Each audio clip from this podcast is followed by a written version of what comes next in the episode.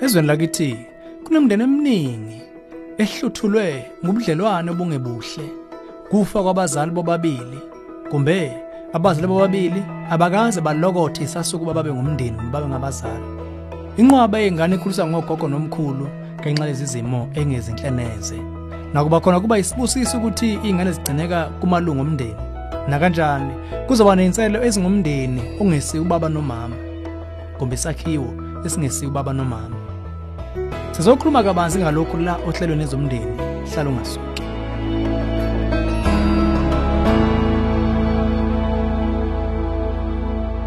Kwaze kwamnandi uba ngiphinde ngibingelele. Ezomndeni uhlelo ulethele izeluleko eziphathekayo ngaba focus on the family. Sithola umbuzo obuhlungu komunye wabaleli bethu othe Ninalo ululeko kogogo nomkhulu ababhekene nokukhulisa umzukulu wabo.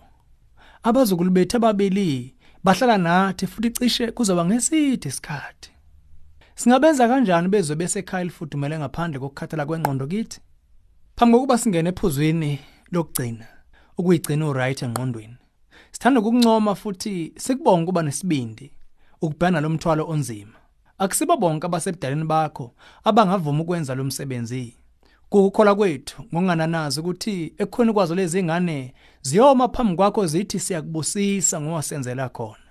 Kodwa ungena odabeni uhlakaniphile. Ukucabanga inyathelo ezogcina ezempilo zakho nengqondo zisesimene esihle kulezi inselo ongena kuzo. Yebo, sake wayihamba lendlela phambili yobuzali. Kodwa kuyehluka ukukhulisa izingane sewumdala sewudlula esigabeni sakho. Umdlandla wakho kawusafana neminyaka ewu20 kumbe u30 eyadlula. Futhi na kanjani usubhekene nezimo zezempilo zakho njengamanje. Ndlela thizeni kumele uthole isombululo zezidingo zakho zezempilo. Uma kukuthi uzokhona lo msebenzi ngempela egcina kosuku kuyakubiza uba ubhekana nezidingo zezempilo. Uma ungayinakela ngawona ngeke ukwazi ukunakela labazukulu. Enye indlela esemqoka ukuzonga nokuzigcina uphilile ukwakha abazokuzungeza abakuqinise. Phezulu kuba kuyakhathaza futhi kudinga amandla amaningi. Ukunakela abazukulu kungakwenza uzizwe ungolahliwe. Ungavumi ukudeda kubahlobo, omakhelwane abaqonda isimo okuso nohlose ukwakha kumbe ukusaka. Ze bakwazi ukuba seduze nawe ngesikhathi obadinga ngaso. Yakho ubuhlobo obuqinile. Kumukela ukuthi kumfipha umuntu eyedwa angakwenza bese uvuma ukuthola usizo eceleni. Kumele ube neindlela zokubuyisa amandla nomdlandla kabusha. Ukuzipha ikhefu akusekho ubuthaka lobo futhi kuyokusiza kakhulu. Ukwenza lokho ungadinga ukuthola umzanyana wosuku kumbe isihlobo onkashana osayiphumuza kancane. Enye indlela kungaba ukuyisingane emndenini nezingane esesigabeni sazo. Ziningi indlela engenzeka zabazali ogogo nomkhulu abakhulisa abazukulu nama foster parent no caregiver ukugcina izingane zimatasa ngesikhathi nabo besayoqoqa amandla abafanele.